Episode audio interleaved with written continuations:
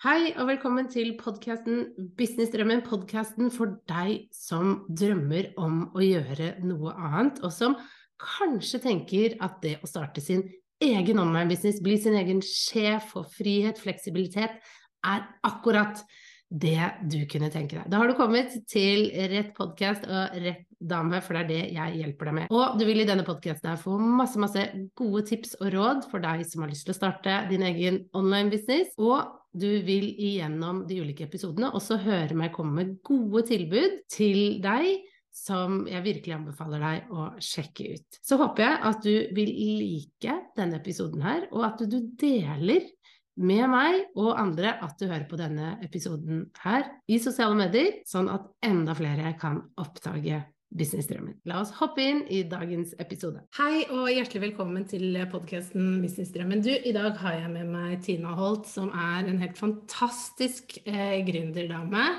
Som bare får til så mye. Hun har ikke bare ett firma, hun har faktisk to firmaer.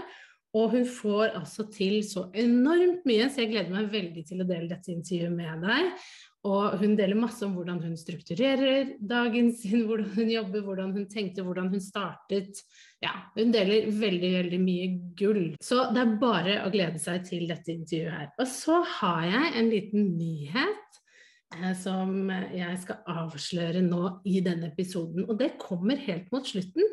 Så pass på at du får med deg det. Dette er en nyhet jeg håper du vil synes er like artig som det jeg syns. Så pass på at du får med deg det helt mot slutten av dette intervjuet her. Men la oss nå hoppe inn i intervjuet og samtalen jeg hadde med Tina. Hei og hjertelig velkommen til podkasten Businessdrømmen. I dag er jeg så heldig at jeg har med meg Tina Holt, som er forfatter og forlegger.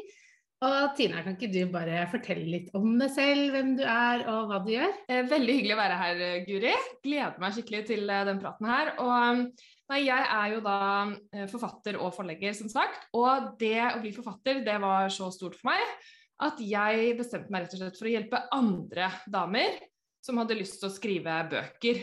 Så jeg har blitt da forfatterrådgiver eh, for type bøker innenfor sånn ja, business og livsstil og helse og selvutvikling, sånne type temaer som er uh, bare kjempegøy og viktig. Um, så jeg har um, et forfatterprogram som er digitalt, og så har jeg også nå et nytt uh, forlag. Uh, så det er kjempestas. Så det er det jeg gjør. Hjelper damer å skrive bra bøker. Ja, så bra. Du, har, du, du sa det jo nå, men du har jo to firmaer. Mm. Du gjør to ting. To businesser. Så det, er, det, ene er jo å hjelpe damer å få ut bøkene, og så er det det andre som er forlaget ditt, hvor du da eh, selger, printer opp, lager bøker. Um, men du begynte jo med det første. Forfatterprogrammet er vel det det er mest kjent mm. Hvordan Hvordan gjorde du dette? Fortell! How did it all start? La oss begynne. Ja. Um, nei, jeg eh, har jo Ikke sant. Jeg um, hadde jo alltid en drøm om å skrive en bok og bli forfatter sånn fra jeg var liten. Sånn, ikke sant. Skrev sånn kleine dikt og ikke sant? sånn alltid da jeg var liten, leste masse. Så jeg bare jeg må bli forfatter. Men uh, det var utrolig vanskelig å skjønne for meg da, hvordan man ble det. ikke sant? Fordi jeg kjente ingen som var det. og ja. Så mm. da tenkte jeg liksom når jeg skulle velge jobb, jobb da, eller liksom studieretning og sånne ting, så gikk jeg mot journalistikk. Um, Tenkte da skjønner jeg sikkert hvordan jeg skal lære å skrive bok, og så gjorde jeg ikke det. Så da ble det liksom studie, bachelor i litteraturvitenskap. Um, jeg endte opp som forlagsredaktør i Norges største forlag. Turte jo ikke å si at jeg ville skrive bok, selvfølgelig. så jeg bare jobbet med alle andres bøker, og det var kjempegøy og virkelig helt fantastisk. Så jeg jobbet i både små og da til slutt Norges største forlag. Um, og så ble jeg gravid i 2015. Mm. Og da hadde jeg allerede fått gitt ut Nei, ja, det er jo hopper, hopper langt av gårde. Nei, fordi jeg jobbet jo som forlagsredaktør i Cappelen Dam, og så endelig en dag så turte jeg liksom å si at ja, jeg har jo vel egentlig kanskje lyst til å bli for, som, by the way, så bli forfatter, jeg òg, da. Ikke sant? Og da sa de bare sånn OK, men hva, hvilken bok skal du skrive? Hva vil du skrive? La oss uh, jobbe med den boka. Og så fikk jeg den publisert uh, på Cappelen Dam. Eh, og det var kjempestort. Så da hadde jeg på en måte nådd på en måte For det første, drømmejobben, forlagsredaktør i Norges største forlag, var for meg en big deal som litteraturviter og tidligere journalist. Så det var liksom, jeg følte at jeg hadde landa der. Eh, og så da når jeg i tillegg da ble forfatter selv, så tenkte jeg nå Nå, dette her er helt fantastisk, og alt liksom skjedde jeg trodde liksom at jeg måtte bli langt over 40 før jeg kunne bli forlagsredaktør, men det skjedde veldig tidlig.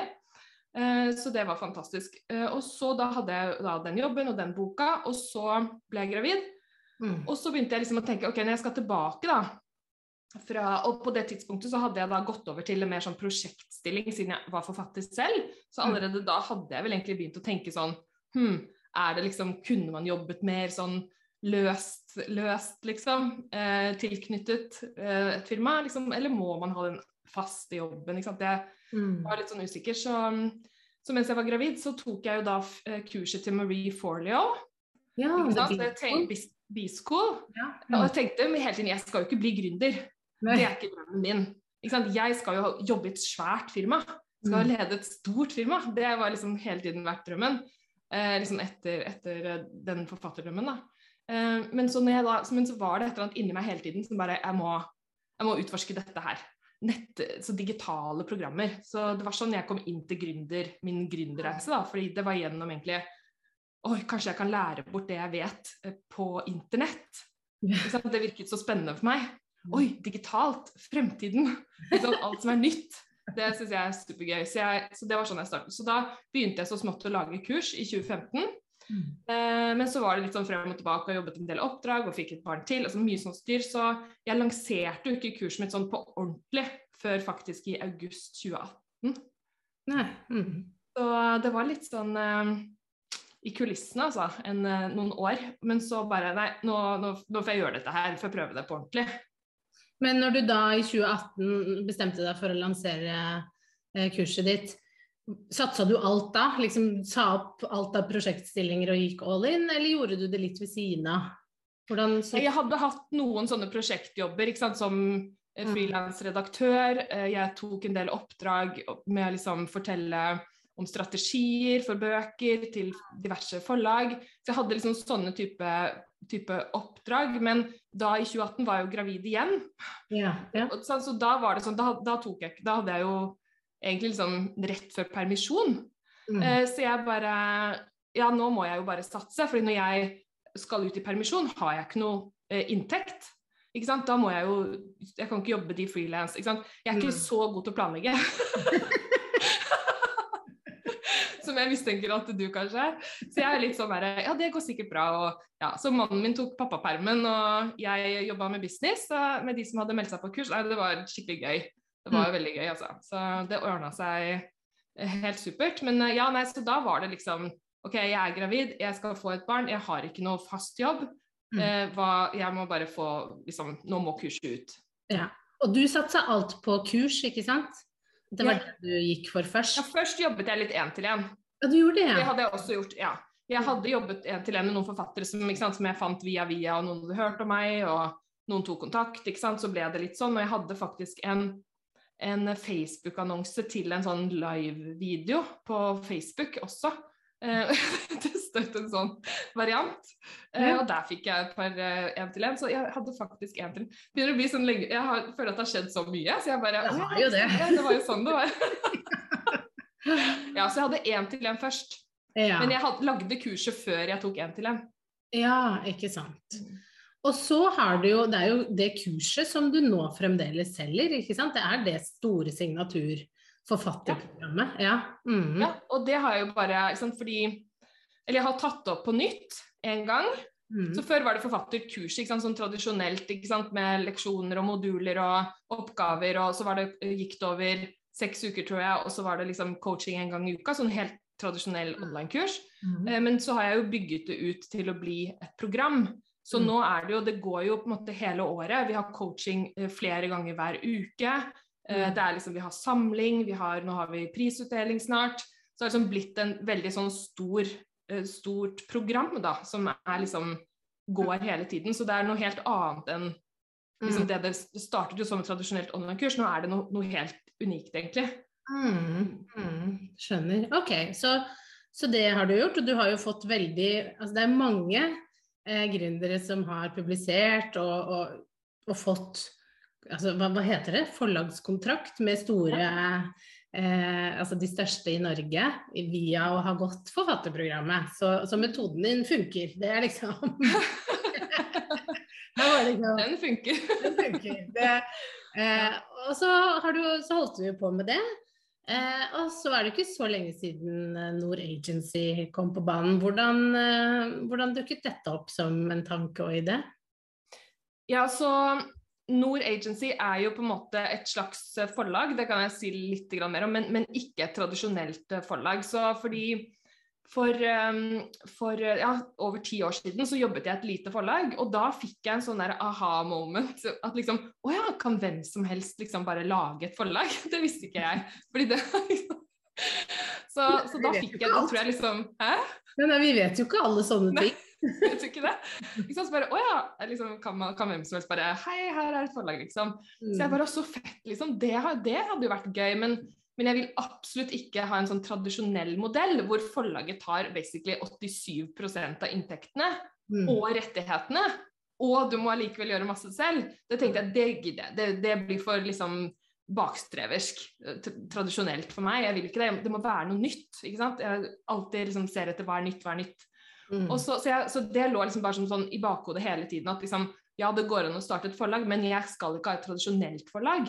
Så jeg har brukt rett og slett ti år, 11-12 år, på å liksom bare gå og ha det i bakhodet og tenke på det. Hvordan kan jeg løse det, hvordan kan jeg gjøre det? Det skal være et slags forlag, men så ikke tradisjonelt. Liksom. Og så begynte jeg jo å tenke mer på selvpublisering og liksom ja, kanskje jeg kunne lagd et slags selvpubliseringsforlag hvor forfatteren beholder rettigheter og inntekter, og at det blir litt annerledes. Eh, så når det på en måte landa, så var det liksom Ja, OK, men da Det tester jeg ut. Det føles riktig.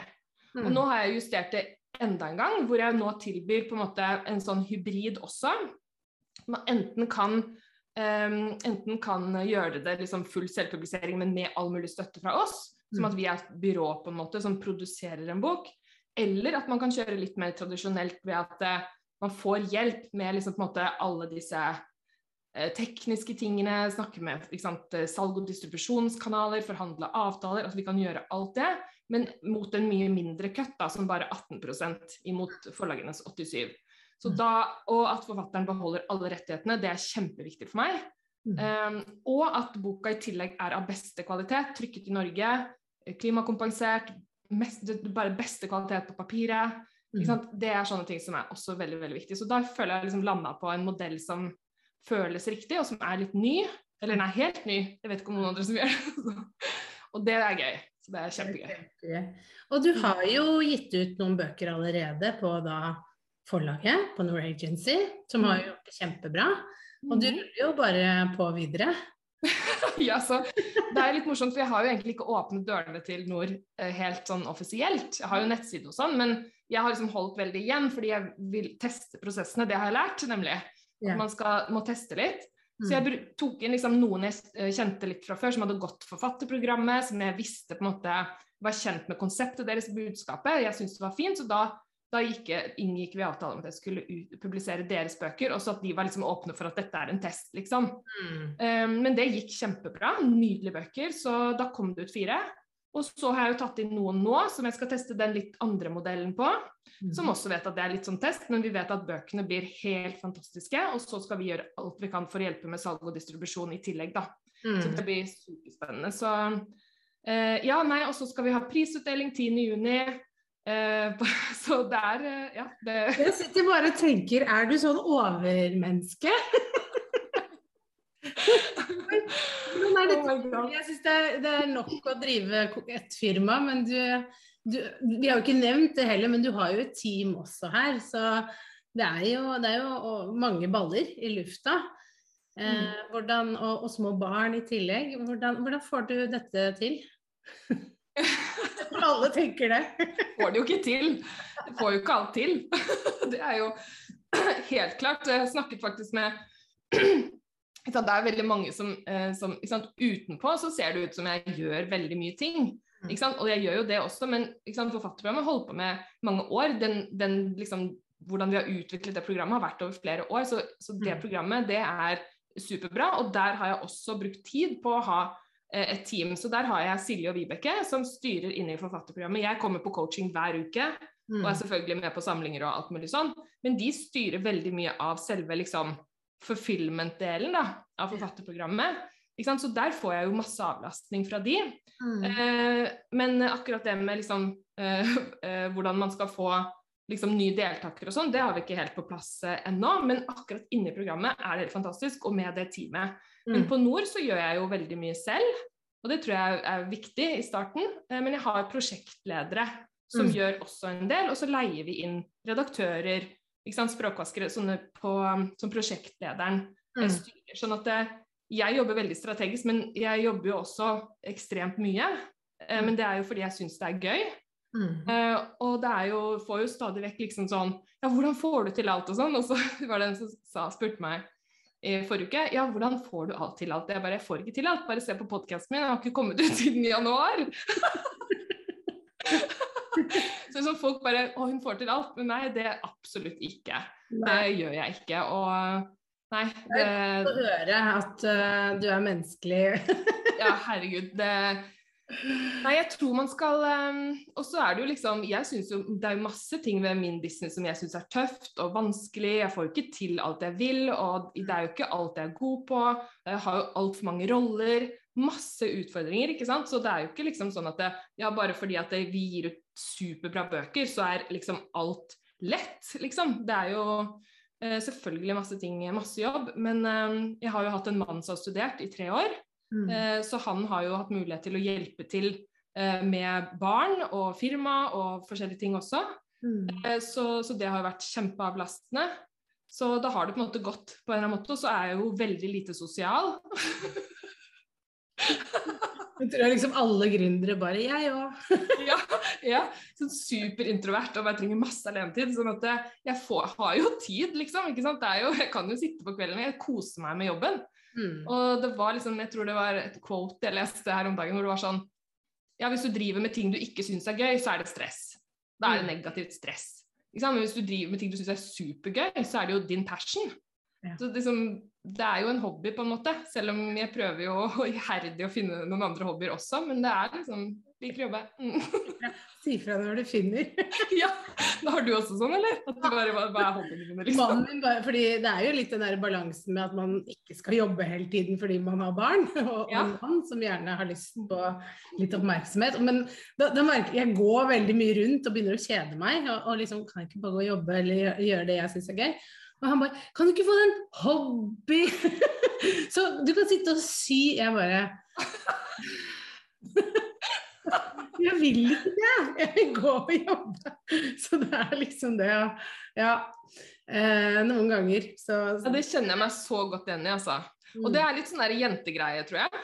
Um, du snakket med flere om det, at liksom mennene de bare ikke sant, de drar ut på kvelden og spiller fotball med kompisene, eller de spiller dataspill, eller spiller noe instrument, eller fikser i garasjen. Altså, det er et eller annet de holder på med, liksom, noen prosjekter. Eh, mens eh, det jeg føler ofte, er jo at venninner av meg som har hobbyer, det er mer sånn interiør og yeah. sant, sånne ting. Og jeg syns ikke det er liksom så innmari gøy. Nice. Så å pusle rundt i huset er bare ikke Jeg jeg er ikke liksom anlagt for det. Jeg vet ikke. Nei, jeg er helt enig. Å, kjære venner. Ok, men, men hvordan ser en typisk jobbdag ut for deg? Eller eh, hvis du ikke har en typisk dag, hvordan er en typisk uke? Bare sånn at vi får liksom et bilde av det. Ja. Um, jeg, um, jeg er jo litt sånn derre Jeg er ikke så opptatt av balanse i hverdagen. Um, men jeg er mer opptatt av sånn balanse i året, på en måte. Sånn at jeg, jeg, jeg har min egen liten sånn greie som jeg driver med, som jeg kaller sånn periodisk balanse. Eh, sånn at jeg har noen faser, hvor jeg, liksom, noen måneder hvor jeg er veldig på. Og så er det noen måneder hvor jeg på en måte er mye roligere. Ikke sant? Sånn at for eksempel før har det vært januar, ikke sant? det har vært lansering. Februar har vært helt rolig, bare ta vare på de som er inne på kurset. Sant? Bare, så det har vært veldig forskjellig. Det er, hele året mitt er veldig, hver måned er veldig forskjellig. Ja, forskjellige oppgaver, forskjellig energi, forskjellig alt egentlig. Så det varierer liksom hva jeg gjør. Men stort sett så hver dag så er, gjør jo barna, gjør barna klar til barnehagen. Mm. Nå hun ene datteren min begynt på skolen snart, så det blir spennende. Men foreløpig har de da vært små, så det har vært eh, barnehage. Og så tar, prøver jeg å liksom hente meg inn, for jeg syns det er masete med alt mulig greier om morgenen å få to barn klare og med mat og liksom at det fortsatt er god stemning når man går ut døra. ja. Så, ja, så det, og så tar jeg en liten sånn pause hvor jeg bare OK, hva skal jeg gjøre i dag, liksom? Um, veldig sånn oversikt over kalenderen og sånn, da. Uh, og så er det stort sett møter. Veldig mye møter uh, gjør jeg. Og så gjør jeg jo en del coaching, som jeg syns er kjempegøy, inne på forfatterprogrammet. Mm. Uh, og så ja, møter med prosjektledere, møter med um, nye samarbeidspartnere. kaffemøter med, med, bra damer jeg har møtt i gründerverden. Det skravler veldig, veldig mye på Zoom. Ja. Godt kjent på Zoom. ja. ja, ja. Mye på Zoom. Så jeg tror jeg er på Zoom halve dagen. Ja. Og så er det litt mailer og sånn, og så har jeg jo uh, av og til noen sånne uh, workshops eller møter noen forfattere eller et eller annet sånn ute på uh, mm. ute også. Og av og til så tar jeg lunsj med venninner. så stort sett gründere de òg, da, sånn at jeg kan snakke business. Det er rart, det der. Så, nei da, så det varierer veldig. Men uh, jeg prøver å legge inn en liten sånn pustepause òg. Siden jeg er litt sånn hektisk type, så prøver jeg liksom å gå tur og se på naturen og puste og sånn. Og det, det er veldig deilig. Mm. Mm. Når avslutter du jobbdagen? Um, det har vært, sant, Når det har vært, vært, covid og sånn, så stengte jo barnehagen her halv tre. Ja. Så, så, jeg har fått en sånn vane at jeg liksom klemmer alt mulig inn mellom liksom ni og, og tre. da. Mm. Eh, så jeg avslutter sånn cirka rundt tre, og så prøver jeg å forberede meg litt på ettermiddagen, liksom, med hva skal vi ha til middag og alt mm. mulig sånn. Mm. Tar du da helt fri, eller eh, blir det litt kveldsjobbing òg? Eh, I starten, da jeg drev firma, så jobbet jeg hver kveld nesten. Mm. Veldig mye kveldsjobbing. Men nå, nå merker jeg at hvis jeg, jeg, blir mer sliten dagen etterpå av å jobbe på kvelden, selv om jeg syns det er gøy, så det, det har jeg slutta med nesten helt. Mm. I perioder hvor det er f.eks. innspurt på en bok som skal sendes til trykk, eh, sånn type ting, så er jeg tilgjengelig hele tiden for forfatter og mm. prosjektleder og sånn, så da blir det litt kveldsjobbing og sånn, og det er helt greit. Mm. Men det er uh, i bare noen perioder, rett og slett. Mm. mm. Ja, så bra. Ok, hva syns du er det beste med å ha din egen uh, business? Det er det at jeg har fått liksom testet ut um, ideene mine. At jeg, at jeg liksom har rom, tror jeg, for å sånn Jeg husker liksom, når jeg jobbet i, i hvert fall liksom, store organisasjoner før, mm. så har det liksom vært vanskelig å få føler jeg, da, å få teste ut ideer eller få liksom, at, å bli hørt. ikke sant, sånn det klassiske at man, man føler ikke at man blir sett, ikke sant, eller liksom, de tingene der. Mm. Eh, man har så mye gode ideer og ingen som vil prøve. ikke sant, så mm. det å kunne endelig bare OK, men jeg har lyst Jeg tror at dette kan funke, jeg tror at det kan bli gøy. Liksom Få lov å liksom, teste ut forskjellige ideer.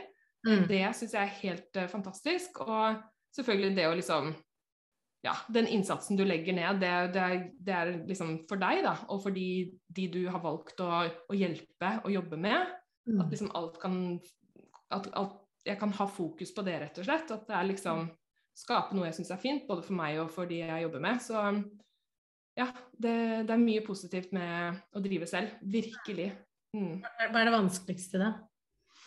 For meg det, har det vært vanskelig med at jeg er sånn type som uh, hele tiden ser etter noe nytt. ikke sant? Utålmodig, veldig glad i å jobbe. ikke sant? Hjernen min går i 90 km i timen. ikke sant? Det... så, så, for meg har det vært utfordrende å, å liksom eh, f.eks. jobbe med prosesser til de er altså sånn for mm. eksempel sånn med, med forfatterprogrammet, da, at jeg hele tiden hadde lyst til å teste nye ting. Ja. Ikke sant? Og det har jo ført til at det programmet har blitt helt fantastisk, syns jeg. da, Nå har vi virkelig landa. Men, men, det å liksom hele tiden liksom uh, Ja. Og nå, da. ikke sant? Og nå kanskje jeg ikke har lyst til å gjøre sånne store lanseringer lenger. ikke mm. sant? Hva skal jeg gjøre da? Og så jeg, har jeg kanskje ikke tid til å på en måte teste ut eller liksom lage prosessen ferdig. Ja. OK, dette funker, liksom. Da kan jeg begynne på noe nytt. Jeg begynner liksom på noe nytt mens jeg holder på å teste, ikke sant. Ja. Uh, så det, det syns jeg er vanskelig. Å liksom bli på ett sted mm. til det fungerer. Ja. Det syns jeg er vanskelig. Og så syns jeg det er vanskelig med, med, å være liksom uh, involvert i sånn detaljer og papirarbeid og sånne ting som jeg vet at jeg burde kanskje vite mer om. At jeg burde kanskje skjønne litt mer av kontrakter og vilkår og? Men det bare stokker seg når jeg prøver å lese det, og? Jeg, jeg har veldig motstand mot yeah. detaljer og papir og sånn, så det syns jeg er utfordrende. At liksom mm. sånn, Men det virker jo som om du er god til å kjøpe deg den ekspertisen du, du selv kanskje ikke har, for du eh, Altså, du, du, du har jo du har jo kontrakter, og du har jo alle disse typer tingene. Stemmer det at du da du går for den løsningen at ok, hvis jeg ikke kan det, så finner jeg noen som kan få det på plass? For du har jo også et team som virker som har veldig spesialiserte roller. Ja, så, um, ja, så teamet mitt jobber jo mye med kunder, ikke sant? med de som er på programmet. Og så mm. har jeg jo mannen min som har jobbet litt for firmaet, og han har jo jobbet veldig mye med Eh, kontrakter og, og prosesser og vilkår og sånn, fordi han liker, liker liksom skjemaer og mm. Han syns det er helt, helt, topp, liksom. ikke sant? Så da har jo det vært veldig fint. Så da har han kanskje lagd et utkast, eh, fordi han har googla hva må det, det inneholde av hva er, lov, hva er lov, hva er retningslinjene hva er, han, han, liksom finner ut av det, lager et utkast, så ser jeg på det. Mm. Um, og så kanskje jeg forteller teamet at neste gang så så det, liksom, kan du ta utgangspunkt i denne, denne kjøpsvilkåret når du skal lage noe nytt, f.eks. Så mm. sånn gjør jeg det veldig ofte. at jeg liksom da, har brukt han til mye. Men han begynner jo i fast jobb nå i uh, august, så da vet jeg ikke helt hvordan jeg skal gjøre det med de kontraktene. Ja ja, det finner du ut av. ja, det, det, det, er noe med det. Du må jo bare det. Ja. Kan jeg bare spørre, Du har jo et team, og det er jo mange som, som lytter som eh, ønsker å bygge team. Hva var det viktigste for deg når du vurderte å utvide fra deg eh, og ut? Hva, hva, var det viktigst for deg å tenke gjennom, eller kanskje bare noen tips du har til de som vurderer? Så jeg er ikke noe ekspert på team, det må jeg bare si. Jeg syns det er vanskelig. Ja. Eh, fordi jeg er ikke noe sånn Jeg har aldri hatt noe ønske om å være en sånn eh, eh en sånn teamleder. Nei. Ikke sant? Jeg er veldig sånn visionary ut der. Så så jeg i utgangspunktet så, så tenkte jeg liksom OK, hva, hva, er det jeg trenger, hva er det jeg bruker mest tid på selv, mm. som, eh, som noen andre kanskje er bedre enn meg til. Mm. Det var sånn det første jeg tenkte, og så fikk jeg noen tips av andre. som Start med å få hjelp til mailer, mm. for det var så mye mailer. Så da lagde jeg liksom standardsvar, og så fikk jeg inn eh, så fikk jeg inn Silje til å koordinere liksom, deltakere, svare på mailer, følge opp sånn fint. Og det var helt, helt fantastisk å få den avlastningen der. Og så hadde jeg lyst på en ekstra coach inne på forfatterprogrammet i tillegg til meg, som også kunne uh, ta litt spørsmål. Liksom. Så, så, mer sånn um, hjelpe til med alle som er inne på programmet. Så det var liksom det jeg tenkte først, at jeg ville at de som er der, de skal få 100% maksimal hjelp og coaching og støtte og råd og oppfølging og oppbacking. Så det var det første jeg tenkte. det var liksom, Jeg må ha på plass det de må føle seg ivaretatt, og at det, det er superbra. Mm. Eh, og så har jeg også hatt noen assistenter på markedsføring. Eh, på, jeg har satt ut sosiale medier på noen av tingene. Mm. Men det er liksom frilansere som ikke er en del av det faste teamet. Mm. Og så er det jo mannen min som ikke er en del av teamet heller. Mm. Eh, og så har jeg jo da frilans prosjektledere på, på Nord som heller ikke er fast del av et team. Så, så, det er sånn jeg er nødt til å gjøre det. At jeg kan ikke ha sånn jeg har prøvd å ha liksom Vi hadde eh, på et tidspunkt eh, seks stykker på teamet og hadde liksom ukesmøter og sånn. Eh, jeg, for meg, det er liksom Det føler jeg liksom Det tar mye tid. Eh, jeg er ikke så glad i det. Jeg er glad i de som jobber med meg. Eh, mm. Veldig. ikke sant? De er, er, med i mange år. Veldig, veldig glad i dem. Eh, men å, ha, å være den som liksom skal drive og liksom følge opp sånn kaffeprat og 'hva gjorde du i helgen?' og sånn. Ja. Det bare er ikke liksom jeg, Så jeg, jeg, tenker sånn På sikt så må jeg finne en som er en sånn født teamleder. Ja. Som liksom bare sørger for ikke? Mm. at liksom, nå trenger vi en ekstra person til å jobbe med eh, kontrakter. Finne, så, så, det er liksom sånn Jeg tenker sånn i horisonten at det, det er noe eh, enhver sånn Hvis man kommer til et visst nivå, da, så trenger man en sånn person. Hvis man er sånn som meg, da. Og jeg tror jeg leste en bok som heter uh, Det er av eh, han som har skrevet 'Traction', uh, men det er den boka som handler om The Visionary og The Integrator. Husker du, Skjønner du? Ja, jeg vet om det. Mm. Mm. Uh, ja. Mm. Um, jeg husker ikke hva den heter, faktisk, men det er da uh, oppfølgeren til Traction. Og da så jeg jo veldig tydelig at jeg er en typisk sånn visionary, ikke sant, som har ideene. Mm. Ikke sant? Og har selvfølgelig evne til å gjennomføre det, men det er ikke det jeg er best på. Så, da, så jeg trenger liksom disse de Mm. som er gode på det. ikke sant? Ja, Eh, Så, det, så den boka anbefaler jeg veldig. Hvis man Mm. skal liksom begynne å bygge team og sånne ting, så er det Traction, også den som jeg ikke husker hva heter, men det er samme forfatter. ja, ja, ja, kjempebra. Hvis du skulle starta i dag, Mm. din, eller begge, da, hva, hva hadde du gjort annerledes? Hadde du gjort noe annerledes? Um, Ja, jeg tror nok da, det er nok det her med å, å liksom um, se en, en prosess Altså fullføre eksempel sånn som um, sant, mange av disse store gründerne snakker om. Det er det her å La oss si at du har no, en bok du skal selge, da. Så har du en book funnel, f.eks. Så Mm. har du en annonse som fører til ditt, og som fører til datt. Og så, og så tester du i alle ledd helt til den sitter. Mm. Ikke sant? Eh, Sånne type ting tror, tror jeg ville liksom satset på litt før. At istedenfor å liksom først lage et kurs Og jeg hadde jo jeg hadde mastermind, én-til-én, seminarer, eh, liksom småkurs, alt sammen på én gang, uten å egentlig teste liksom hvordan dette skal fungere sånn, på, sånn automatisk, liksom. Det var, alt krever at jeg er involvert. Så Mm. det tror jeg ville prøve å automatisere mest mulig eh, Mm. tidlig. Teste funnels, teste hvordan man får inn kunder, at de har det bra, oppfølgingen, at liksom ting er på sted. Altså, bli et sted, da, eh, Mm. til det funker. Og så prøve noe nytt. Å, det vanskeligste. ja, ikke sant? Så, men jeg tror at det er sånn ikke sant? Når man er gründer og har 100 ideer og er liksom den typen, så er jo akkurat det tror jeg, noe av det vanskeligste. Hva tenker du? Jeg syns det er dritvanskelig jeg, å holde meg til én ting. Jeg eh, får en ny idé hver dag. Så det er nesten det største problemet, er den popkornhjernen. Å bremse. Mm. Ja, det er sånn nesten, Jeg tør nesten ikke å gå i dusjen, for jeg bare vet at jeg kommer ut med fem ideer. Skjønner du hva jeg mener? Dusjen er det verste stedet. vet du. Jeg får de beste ideene mine i dusjen. Ja, jeg òg. Jeg får det. Ja, jeg er helt enig. Ok. Eh, hvilke råd er det du har da, til noen som vurderer å starte sin egen online-business? Jeg har et råd, og det er det samme som jeg sier til de som har lyst til å skrive bok. Det er sånn Hvis du først har fått den der stemmen inni deg, Mm. og bare åh, det er et eller annet der, det er liksom noe jeg skal, jeg skal gjøre. Ikke sant? Det virker, det er forlokkende, det er, jeg er nysgjerrig, ikke sant? jeg har lyst til å starte det, så, så må du bare gjøre det. Du Ja. må prøve. Mm. Det er liksom, Du får ikke fred, Nei. ikke sant? Ja, Er ja. du ja, ja du, du, du blir gal av tanken. Ja. Jeg liker gjerne bare å gjøre det. Absolutt. Følg stemmen, og følg lista. Du, Kan jeg spørre deg, hvis du skulle gjort eh, starta på nytt, hva er det du hadde gjort da? Eh, jeg hadde starta litt før. Ja. Fordi jeg brukte veldig lang tid på å tørre. Og, og tenke og prøve å kontrollere en prosess som er ukontrollerbar, rett og slett. Eh, for jeg var, var veldig redd og hadde veldig mye tanker om alt som kunne gå galt. Og, og det lamma meg veldig, den frykten, veldig lenge. Så hvis jeg kunne liksom gått tilbake, så hadde jeg, hadde jeg hoppa før.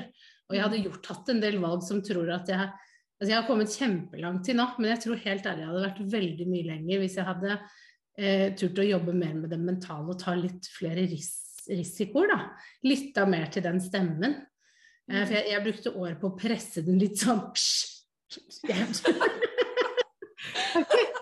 Slutt å mase! så, så det å, å, lytte litt mer innover, eh, og, og bare OK, bruk deg og meg som eksempel, hør på de som har gjort det, at det, er mulig å få til. Eh, og det er bevisen, det er egentlig alt bevis du trenger, er, er vi andre. Eh, og så bare finn din vei, men begynn, og så beveg deg hele tiden, ikke stopp. Det er sånn Det er så godt råd, og det, det er faktisk noe jeg står bak. Altså, fordi det å liksom måtte, eller tro at man må vite hva, hva det skal bli mm, før man starter, det er veldig vanskelig. ikke sant? Så jeg har liksom bare alltid bare måttet, Sånn som med, det, med Nord, f.eks. Der bare måtte jeg til slutt bare begynne, og så finne ut av ting på veien. ikke sant? Og få klarhet i det mens man begynner. Dette funker, dette funker ikke. Og det klarer man ikke å tenke seg til. Man må faktisk bare begynne et sted, Mm. og så bare ja, ta et skritt av gangen. Mm. For det er jo det å prøve å kontrollere noe som Altså, det er helt sort der, for du har aldri gjort det før, så du, du, kan ikke kontrollere det. Men få kontroll over de delene du kan få kontroll over. Om det er, For meg var det mye økonomisk inni det. ikke sant? At jeg var redd for det. Ok, prøv å få kontroll over den biten du kan få kontroll over. da, Det er jo å planlegge, eh, vite hvor mye du har av utgifter, og, og sette av en buffer og begynne den planen og vite hvor mye du må tjene. Og så er det veldig mye du ikke kan kontrollere, men det må du nesten bare Da må du bare begynne med én ting. Altså, det blir som å ta tak i tråden og så liksom bare nøste seg ja. frem til det. Håpe på at det er gull i den andre. det var et fint bilde. ja. Yes. Nei, men Tina, tusen takk for at du var med og delte om eh, deg og din business. Hvis noen har lyst til å skrive en bok, så bør det jo gå til deg. Men jeg vet at du har noen noe som kanskje kan hjelpe de litt i gang? Ja, eh, tenker hvis man er litt nysgjerrig på om man har det som skal til da, for å skrive en sånn her type bok. Jeg, det heter sakprosabøker, det vi jobber med. Så det er ikke romaner og dikt og, og sånne ting, men det er rett og slett sånn ledelse- livsstilsbøker. Så kan man ta en forfattertest, den er ganske kul, eh, og den ligger på tinaholt.no slash forfattertest. Ja, så gå og sjekk ut den. Og så eh, lovte jo jeg innledningsvis at jeg skulle si noe om den nyheten jeg og Tine har. Og eh, det er jo at jeg er jo så heldig at jeg skal få lov til å gi ut bok. Gjennom da Nord Agency, og det gleder jeg meg veldig til. Og det er vi som er heldige, Guri. Det er så stas! Altså, Guri meg, liksom. Det er jo midt i blinken. Det er akkurat sånne bøker jeg elsker å jobbe med. Så det er hjertelig velkommen inn på Nord. Gleder oss masse. Mm. Så det blir spennende. Så jeg kommer jo til å dele prosessen etter hvert, mest sannsynlig, og høre hvordan det er, og dele boka ut og alt mulig rundt dette, så, så, følg med. Men hvis du har lyst til å bli bedre kjent med Tina, hvor skal de gå hen da for å finne mer info om deg? Eh, jeg er på Instagram på tina-holt-. Mm -hmm. Jeg er ikke sånn kjempe Eh, på sosiale medier, men det jeg legger ut, er veldig relevant hvis man har lyst til å skrive bok. ja, så bra. Og, og sjekk ut Tina. Og tusen, tusen takk for at du stilte opp. Tusen takk, Guri.